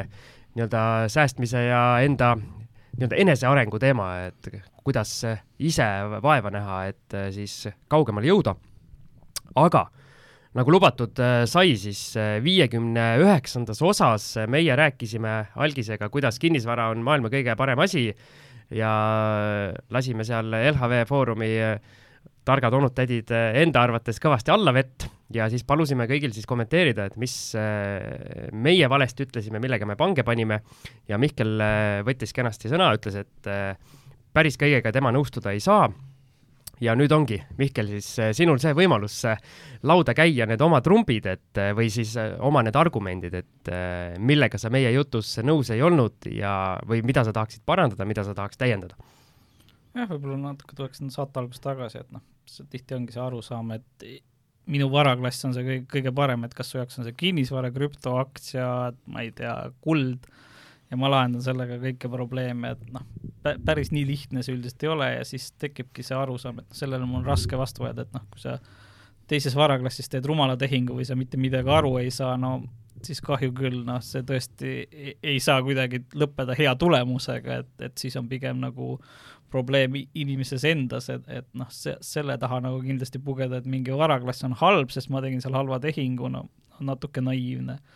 et kindlasti noh, teadmised peaks olema ja siis saab hakata alles niisuguse mingeid argumente poolt ja vastu tooma, et eks igal varaklassil on mingid omadused, mingid eelised, mingid võimalused ja ka kindlasti puudused teatud olukorras. et noh, ta tõi seal välja, et, et kinnisvara tek-, tekitab emotsiooni, et kui sa nagu niisugust tavalist investeerimist nä-, näiteks vaatad, siis tegelikult sa peaks üritama seda emotsiooni sealt võimalikult kaugel hoida, sa peakski tegema ratsionaalse otsuse, et et noh, ma arvan, investorina on seda natuke lihtsam teha, võib-olla alustava investorina võib-olla nagu keeruline, et sa vaatad, kui oi, ilus korter, no okei okay,, ma maksan selle rohkem ja siis ongi lõpptulemus see, et aga tootlus on olematu. et ütleme, see emotsioon ja ratsionaalsus, ütleme noh, kindlasti noh, mingi emotsiooni peab pakkuma see tegevus su jaoks, aga see ei tohi nagu hakata mõjutama ka tulemust ülemäära. kas äh, ma siin küsin vahele, kas ahnus on ka sinu, nii-öelda sinu jaoks emotsioon, et näiteks praegu aktsiaturul toimuvat vaadates ja isegi tegelikult kinnisvaraturul ka toimuvat vaadates, siis tundub, et äh, peamine, peamine nii-öelda jõud, mis inimesi äh, suunab, on, ongi hetkel see ahnus ja see, et ma jään nüüd ilma. Aga selle kohta on Wall Streetis hea film, Wall Street hea film, kus öeldakse, et ahnus on hea. Sa lihtsalt pead oskama seda nagu õigesti juhtida, et, et noh, pigem noh, see investeeringu puhul peaks nagu alati aru saama, et miks ma selle investeeringu teen, mis mu eesmärk selle investeeringuga on, et noh, kui me, nagu te siin rääkisite, et kui eesmärk ongi raha paigutada, sa selle eesmärgiga sinna sisse lähed, no on täiesti fine tegevus, aga kui sa, sa tahad nagu tootlust teenida või üürida seda ja see lihtsalt ostad suvaliselt kokku asju, no siis jälle võib-olla sa ei tee õigesti asju, et kõigepealt on vaja see eesmärk paika panna, et noh, aktsiates on samamoodi, et sa võid sinna IPO-sse minna selle suhtumisega, et ma avanedes müün selle kakskümmend, kolmkümmend prosa maha, kui see ongi su plaan, tootlusega maha, et kui see ongi plaan, sa teed seda, siis on nagu fine. aga tihti ongi see, et, et sa hakkad sealt plaanist kõrvale kalduma, et aga okei okay,, see ei tõusnud nii palju, ma hoian võib-olla või see positsioon läks miinusesse, et kuigi ma arvasin, et see on nagu räme kasvurakett ja firma ise ütleb, et ma ei tea, meil kasumit enam ei ole, aga sa ikka loodad, et ma ei tea, kuskilt tuleb mingi ime, et noh, pigem ongi enda jaoks vaja paika panna, et miks midagi tehakse ja see aitab ka, no ütleme, niisugustes isegi keerulistes olukordades nagu nagu otsuseid langetada, et koroona ajal noh, mul oli nagu vä väga lihtne teha otsuseid, kuigi see olukord oli nagu üldmõttes täis kaos, et sul kõik langeb, keegi midagi ei tea, mis maailmas toimub, aga noh, kui sul on paika pandud näiteks olid lühiajalised laenud, nendega oligi paika pandud, et kui hakkab kriis, need laenud ma kõik realiseerin ära, võtan selle raha välja, selle rahaga ma saan tegutseda. ma ei pea hakkama mõtlema, et aga võib-olla läheb paremaks, mul on juba kirjas, et ma teen niimoodi. ja sama, et hakkan ostma aktsiaid. Et noh, sa võidki seal tihtipeale, kui see langeb, inimestel ongi näiteks aktsiates raske, et no okei okay,, turud langevad, no homme langeb edasi ju, ja siis sa jäädki sinna ootama ja siis, kui ta hakkab tõusma, siis on, oi no nüüd on juba liiga palju tõusnud, ma enam ei hakka ostma, siis sa nagu kogu aeg mõtledki. Kui sul ongi paika pandud, et noh, ma ei tea, kui turg kolmkümmend protsenti langeb, siis ma hakkan mingi summaga ostma, no sa ei pea enam hakkama mingi, mingit plaani mõtlema, mida niisuguses kriisiolukorras nagu adekvaatset plaani teha ei ole nagu väga võimalik enamuste inimeste jaoks. aga mulle tundub, et äh, see plaani tegemine, see paljudel investoritel tuleb isegi välja, et äh, tehakse see plaan, aga kui konkreetselt see kõik, nagu sa ütlesid, et kõik asjad lendavad ventikasse, siis ongi see, et see plaan võib olla, aga mis on need nipid, et kuidas ikkagi sellest plaanist äh, kinni hoida, et kuidas äh, ennast distsiplineerida, et sa ei hakkaks mõtlema, et aa, mul on küll plaan kirjas, aga võib-olla nüüd ma muudan natukene midagi ja no seal võib-olla tulebki jälle see mängu, et, et sul üldiselt plaani on lihtne täita, kui sul ei ole endal ebakindlust. enamus inimesi on palgatöös, et kui sul nagu palgatööga läheb lappama, no siis sa hakkad ka muudes asjades nagu kahtlema, et kas ma ikka saan selle raha sinna investeerida, äkki ma saan homme kinga, mul on seda raha muuks asjaks vaja. et kui sa, seal ongi see probleem, et kõigepealt on vaja sul lahendada ära see layer üks, kui sa oled nagu tippspetsialist või, või sa oled sada prossa kinni, ma ei tea, kooliõpetaja näiteks või et, sa tead, et no tõenäoliselt sa ei saa kinga. siis sul on nagu ka märksa kergem neid otsuseid teha, mis sul seal plaanis kirjas on, sest sa tead, et see layer üks ei fail'i ja selle layer üks fail imise vastu on samamoodi, et sul peaks olema mingi rahasumma, et ma ei tea, millega sa aasta aega või midagi ära elad, mis ei ole nagu üldse investeerimisega seotud, et see aitab nagu hoida seda, et sa saad aru, et ma saan seda ülemisplaani täita, et ma ei pea mõtlema, et aga ma pean äkki need aktsiad kuskil seal põhjas maha müüma, et makarone ostma minna. Aga noh, selles mõttes, et ega tegelikult noh, see, et kinnisvara tekitab emotsioone, noh, selles mõttes, et ma arvan, selle point seal oli lihtsalt see, et kuna me oleme ise nii kinnisvaras sees ja see on nagu meie jaoks nii äge ja põnev, et siis ega me ju ise tegelikult ei visanud tulejoonele ja, ja ei läinud siin teisi varaklasse ründama, vaid pigem oli nagu vastupidi, et me üritasimegi kaitsta seda. algis ei mäleta, mis ta rääkis lihtsalt. ei mäleta väga hästi, ma mäletan väga hästi, pole ammu nii käima läinud kui seal, et, et, et, et pigem just seda poolt, et, et nagu sa ise ka, Mihkel, alguses ütlesid, et või natuke aega tagasi siin, et noh, et, et kui sa mingis varaklassis ebaõnnestud, noh, siis pole, see on kogemus võib-olla, või pole mõtet torkima minna, et tuleb enne selgeks teha endale asi ja, ja mulle tundus, et need sõnavõtud seal võib-olla olidki lihtsalt sellised, inimesed ise reaalset kogemust ei omanud ja siis olid niisugused miljoniga ostad ja siis saad kolm protsenti tootlust, et noh, mingi või tuhat viissada eurot üüri, et selles, selles plaanis võib-olla nagu, aga aga okei okay,, noh, selles mõttes, et et kas midagi oli veel, mis jäi kõrva kriipima sealt, millega me peaksime Siimuga arvestama ja noh, see emotsioonide juurde tagasi tulles veel, noh, Siim käib siiamaani ju põsed õhetavad ja ja, ja silmad on märjad, kui mingist korterist ilma jääb, et see käib asja juurde. ma ütlen, siuksed väiksed nüansid asjas, et sa samamoodi tõid välja, et haldusfirma vastutab tulemuse eest, et kui sa annad oma objekti sinna, et see samamoodi ei ole päeva lõpus nagu tõene, et noh, tõesti noh, ma eeldan, et kui on hea haldusfirma, ta tõesti tahab sulle head teenust pakkuda, aga päeva lõpus, kui on nagu probleem, siis see ei ole enam haldusfirma probleem, see on ikkagi lõpuks sinu probleem, et see haldusfirma ikkagi mingi hetk võib öelda, et sorry, business ei tulnud välja, palun, nüüd on see sinu probleem, tegele, et noh, seda ei saa ka teha nagu inimesele vastutusele lõplikult ära. seda reguleerib ju leping nojah, aga sul võib haldusfirmaga leping olla, haldusfirma lõpuks ütlebki, et nagu sorry, see business ei tulnud välja, siin on su korter, palun nüüd vaata ise, mis sa sellega peale hakkad, noh okay, siis, siis, siis saab sellest sinu midagi. probleem jälle ikkagi, et noh, päeva lõpus sa pead ikkagi ka valmis selleks olema, et, et see probleem on sinu probleem ja kuidas sa seda siis lahendad, et noh pa, panka ei huvita, kui sa lähed talle rääkima, et sorry, haldusfirma läks pankrotti, mul raha enam ei tule, ma sorry, teile ei saa laenu maksta, aga ärge olge kurjad mu vastu, et noh, see ei ole panga jaoks nagu mingi argument enam no aga isegi kui sul on haldusfirma vahel, ega siis, kui haldusfirma vahelt ära kaob, sa üüri saad ju edasi, et, et lihtsalt hald-, täna meie haldusfirmana on lihtsalt see, et kui meie esindame omanikku, algis meie... võttis nüüd isiklikult? ei, ei, ei, ma ei võta isiklikult, vaid lihtsalt kuna see on otseselt ju meie teenusega seotud, siis ma saan ju kommenteerida seda, et et lihtsalt on ju see, et kui, kui me sinu korterile leiame üürniku, siis eh, noh, sa oled volitanud meid üürnikku valima, me valime üürniku, kogume üürimaksed, kogume kommunaalmaksed, maksame ühistule, siis maksame sulle kui meie kaome sealt ahelast mingil hetkel vahelt ära, näiteks ma ei tea, leping lõpeb ära, äh, mis iganes asi on, ega siis see üür ju laekumata ei jää, siis ta laekub sulle lihtsalt. et äh, ega selles plaanis ju no, üks vahelüli kaob ära lihtsalt. pigem ma näen seda kriisiolukorras, ma ütlengi, et kui see üüriline kaob ära, võib-olla haldusfirmal läheb raskeks, et noh, sul võibki tekkida see probleem, et, et sul endal on nagu probleem, et tihtipeale, et see, et ma panen sinna mingi halduskihi vahele, tekitab inimestes niisugust nagu võltskindlustunnet, et mul ei saa mingit probleemi mitte kuidagi tekkida, et sa ei tohi ikkagi lasta seda endal tekkida, et noh, eriti kui sa näiteks, ma ei tea, ostad ma ei tea, ärilaenu võimendusega, kus sul on väga, väga reaalne risk, et pank tuleb sulle, ütleb, et kinnisvara väärtus on nüüd langenud, palun meile raha, et, et sa pead ikkagi need riskid ja ohud enda jaoks nagu väga hoolega läbi mõtlema et ei saa nagu lootma jääda selle peale, et mul on nüüd kinnisvarahaldusfirma või, või keegi teeb, mul ei saa mitte midagi juhtuda, ma lihtsalt nagu lükkan rahhi peale, muudkui ostan ja, ja miljonid nagu tulevad kontole. ühegi investeerimisega ei ole risk kunagi null, nii et selles mõttes see on nagu jah, on, on selles mõttes on nagu õige küll, et ega meie lihtsalt teeme sellesama töö sinu eest ära, mida sina ise muidu teeksid, ega see kuidagi nagu riski selles mõttes ta ei maanda, et äh, lihtsalt ta võtab, sa saad oma aja kätte, et riskid on samasugused nagu siis, kui sa otse ise võib-olla nii palju maandab seda riski, et kui näiteks investor ise on äh, halduses üsna selline nii-öelda kogenematu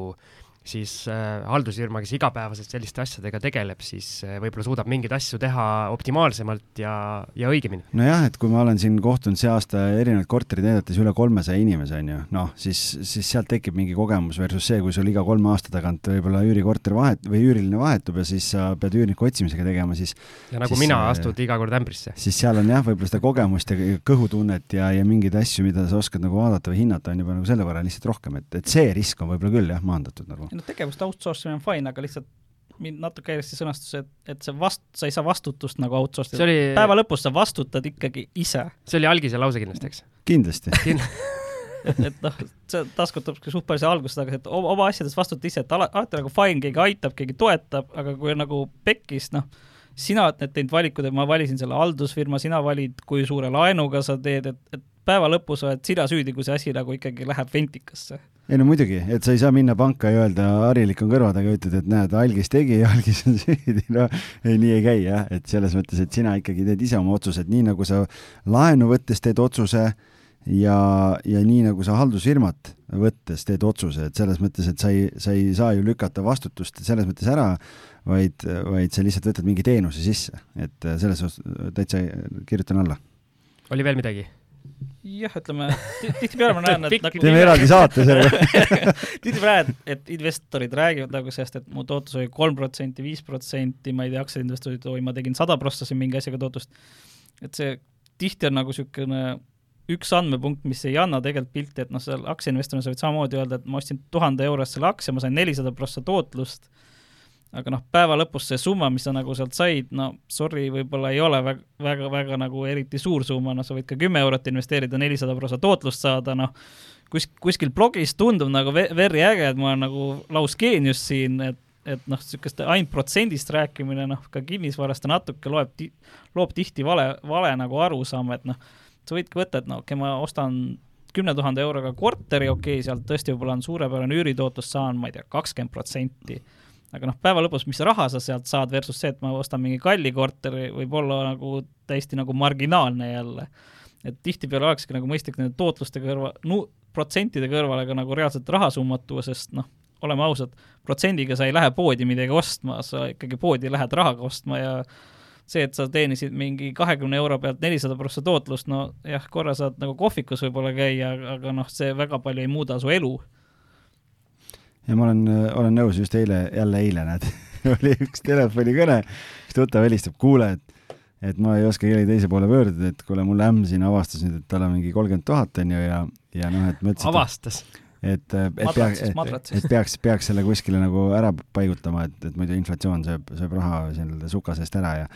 et noh, et on siin vaadanud, et Tallinnas on siin mingi neli või viis mingit äh, kaheteist ruudust korterit umbes, et noh, et äkki ostaks, on ju, ja et mis sa nagu arvad ja noh, ja siis ma hakkasin küsimusi küsima kõik, et noh, et et noh, et see üür on ju seal võib-olla kuni kakssada eurot või, või natuke siia-sinna peale, et noh, et kas, kas see segment üürnikest, kas ta, kas sul ämm on see, kes viitsib, tahab tegeleda nendega või nende probleemidega, mis sealt võivad tulla või, või noh, et äkki ta saab pangalaenu juurde võtta, kõik need asjad, et noh, et tundub, et noh, et jälle niisugune, et et natukene inimesed nagu ei, ei mõtle nagu läbi seda, vaid, vaid hetkeliselt see, et nii, nüüd mul on, tahaks selle ruttu ära panna kuskile, mõtlemata selle peale, et aga võib-olla oleks mõistlikum võtta teine kolmkümmend tuhat pangast juurde, ma ei tea, kümne aasta peale näiteks, ja keegi üürnik maksab sul selle laenu kinni, et et, et natukene peab ikkagi neid plusse ja miinuseid ja riske ja kõike võiks nagu kaaluda, enne kui mingeid otsuseid teha nojah, see ongi tihti see, et sa lähed võib-olla mingi varaklassi, kus sa ei saa aru, siis sa ei saa aru, mis omadused või valikud sul on, et noh, te tõite välja ka, et aktsiad on aktiivne, no aktsias sa võid samamoodi ülipassiivne olla, et ma panen oma kolmas sammas, automaatne makseiga, kuna ma ei tea mitte midagi, see raha läheb sinna, see raha noh, loogika eeldusel kasvab seal ja see ajakulu on null ja täiesti ebaaktiivne, et noh, igal asjal on nagu võimalik see ajada nagu ühest äärmusest teise üldiselt, noh, sama on tootlusega, nagu ma ütlesin, noh, ma võin võtta full cash'is, minna osta korteri, saangi võib-olla oma see ma ei tea, mõne korteri puhul kolm, mõne puhul viis, seitse, kümme protsenti tootlust või ma võin teha sada prossa võimendusega ja mul on tootlus nagu lõpmatu põhimõtteliselt, et et noh, sama nagu e-, paljude erinevate omadustega, et sa võid neid omadusi seal muuta ja sa peadki otsima nagu selle lahenduse, mis sobib sinu jaoks, mis sobib, ütleme, võib-olla ka ideaalis su suurema investeerimisplaaniga, et kas sa teed Airbnb-d, sa teed pikaajalist üüri, väikseid kortereid, suuri kortereid, äripindu, garaaži, ma ei tea, parkimiskohti, et sul neid kombinatsioone, valikuid on seal tõenäoliselt noh, tuhandetes, mida sealt annab nagu genereerida. ja sama on ka väga paljude teiste varaklassidega, et noh, nagu te siin mainisite, et noh, kinnisvarasse seal aktsiaturul ka osta, võin Vilja Laarakale sinna Eftenisse raha viia, noh, võib-olla ärikinnisvarast ta saab paremini aru kui mina, võib-olla mingi hetk tundub nagu täiesti mõistlik plaan, et palun väga, aga noh, seal taaskord on probleem, ma ei saa minna panka öelda, palun mulle kakssada viiskümmend tuhat eurot laenu kahe protsendiga, et ma lähen ostan Efterit, ma lähen ostan Efterit, et selle peale öeldakse, et no go, et et me anname ise Villerile selle raha ei, no eks me, ma siin nagu nii-öelda natuke vabanduseks ütlen ka, eks me pidime seda saate nimest eh, nii-öelda tulenevalt seda pendlit natukene sealt ühest äärmusest eh, nii-öelda teise äärmusesse kõigutama ka, et. Eh, ei no aga selle aktiivsuse juurde tagasi tulles lihtsalt, kuna kogu see noh, ikkagi jälle Siim ei mäleta vist ise, mis me rääkisime seal, mul on tunne, et tegelikult oli, point oli ju selles, et, et, et noh, et aktsiatega võimalus nagu kiirelt ja, ja hullu to tootlust teenida ja nii edasi, et siis sellest tulenevalt võib-olla see aktiivsem roll, et noh, kui sa nagu spekuleeriv, spekuleerival tasandil või noh, mitte päris päevakauplemisega, aga noh, ma ei tea, osaled IPO-del, loodad siin, et teenid mõne päevaga kolmkümmend, nelikümmend protsenti, müüd maha, äh, kogu selline pool on ju, et noh, et loomulikult ega aktsiate puhul ongi sul see pikaajaline strateegia ka, lapsele kasvatan ka kõige vanemale siin äh, iga kuu ostame aktsiaid ja asju ja noh, tal seisab see seal aastakümneid, on ju ja, ja see ongi väga passiivne strateegia, aga aga, aga noh, et seal see, see sõnavõtt oli natukene nagu teisel äh, baasil üles ehitatud. lihtsalt. kas midagi veel? no võib-olla võtame siis viimaseks, on see, et, et sealt toodi ka välja, et, et noh, enamus inimesi on, on kinnisvaras elanud, et sealt sul tekib nagu mingi suhestus, et et mis kinnisvara on, et siis on nagu lihtsam sinna investeerida, aga noh, kui sul ikkagi noh, ega vahet ei ole, mis varaga, kui sul teadmisi ei ole, kuidas kinnisvarasse investeerida, no siis tõenäoliselt, et sa teed lollitehing, on ikkagi suht, suht-koht sama suur, et noh, ma arvan, enamus inimesi näeb tänapäeval firmasid samamoodi, et kaup, kaubamaja on üle tee, see ei tähenda, et ma saan aru, et kas kaubamajasse investeerida on okei. Okay.. et noh, see, et ma üürin mingit pinda, noh, ma oskan nagu esteetiliselt hinnata, et kas mulle meeldib see või mulle ei meeldi see, see, kas ma sellega nagu raha oskan teha ja ka kas ma suudan seda üldse üürida või kas ma tahan nagu sellega tegeleda, noh, seda, selle pealt on ikkagi raske hinnata, et sul ikkagi on vaja natuke kogemust, natuke teadmist ja ideaalis natuke abi. ma siin natuke selles mõttes oponeerin, et kinnisvara puhul näiteks juba puhtalt elamine annab väga hea kogemuse näiteks selle asukoha suhtes, et äh, mingi valikukriteerium sa ikkagi äh, nii-öelda selles mõttes tead, et äh, okei okay,, sa võib-olla ei tea sada protsenti, et kui atraktiivne see nii-öelda üüriturul on see asukoht aga ikkagi eh, sa nii-öelda tunned, tunned kanti, tead, kes seal elavad, mis kontingent seal elab ja mingi samm eh, on ikkagi nagu jah, juba tehtud. saad piirkonna tundse, aga noh, samas, samas sa saad ka firmas, sa lähed toredasse kohvikusse, sa näed, söök on hea, teenindus on hea, aga selle pealt sa ei saa öelda, et kas mul oleks hea investeering seda firmat osta, et noh, selleks sul on vaja ikkagi analüüsida, sul on vaja aru saada numbritest, et sama on kinnisvara. sul võib seal tore elada olla, aga see kinnisvara võib-olla maksab jaburalt palju noh, selle kohviku ja kinnisvara vahe on lihtsalt selles, et noh, et kui isegi midagi väga valesti läheb, äh, siis äh, okei okay,, kui sa noh, just ei ole, ma ei tea, kaks või kolm korda üle turuhinna ei osta ja, ja lõpuks on niimoodi, et see ei suuda laenu teenindada ja sul võetakse see korter käest ära, aga, aga, aga noh, point on pigem selles, et, et tõenäosus ja kriiside ajal inimestel on võetud ära äh, korterid käest, väga paljudel on võib-olla kodude ja asjadega just selle puuduliku finantskirjaoskuse tõttu, millest me saate esimeses pooles rääkisime, aga just see point, et noh, et kui sa lähed, siis paned sinna kohvikusse või sa lähed, paned äh, kuskile,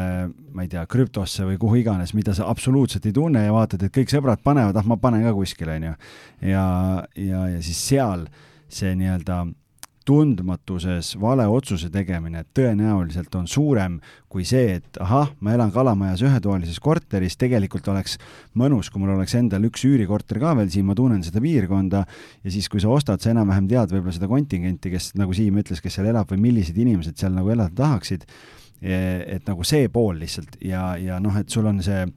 ebaõnnestumise määr selles osas on väiksem, jah, et sul sisenemine on suurem, et sul on suuremat kapitali vaja aga selleks, et sul see käest ära võetakse, noh, see on, see on väiksem risk kui see, et sa krüptos või kuskil nagu täiesti põrud lihtsalt. noh, sellega ma olen nõus, et ütleme,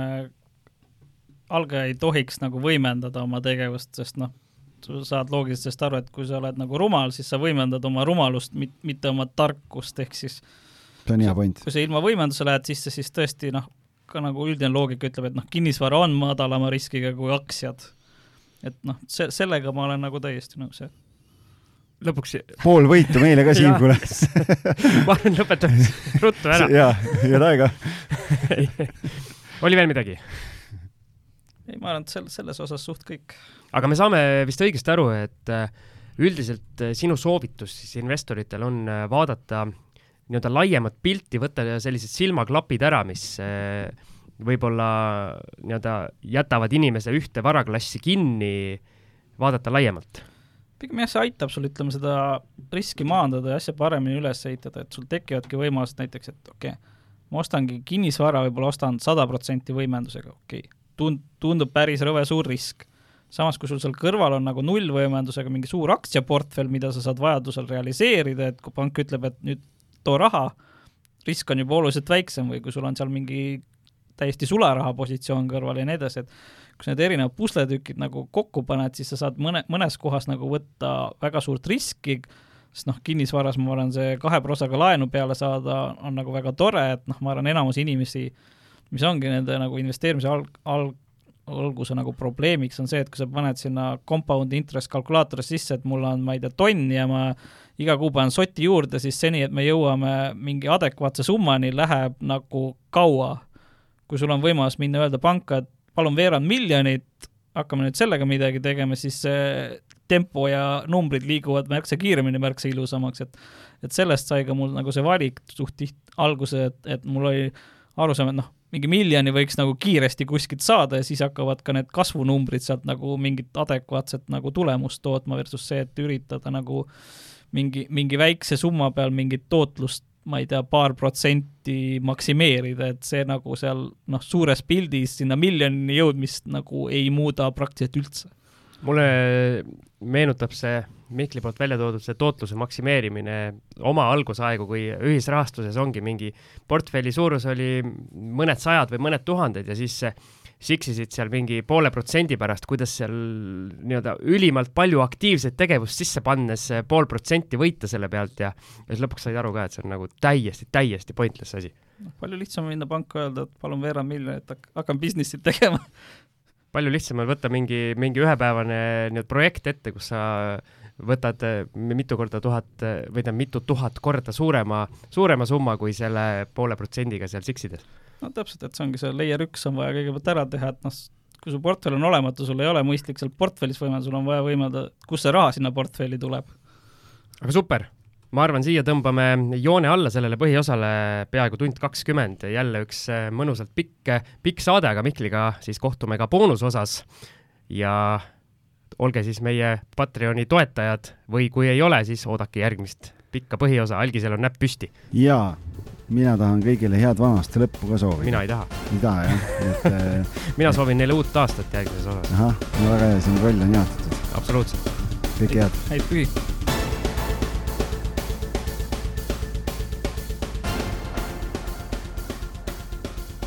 saadet toetab Estate Guru, juhtiv üle-euroopaline kinnisvara finantseerimise ja investeerimise platvorm. vaata lisa estateguru.co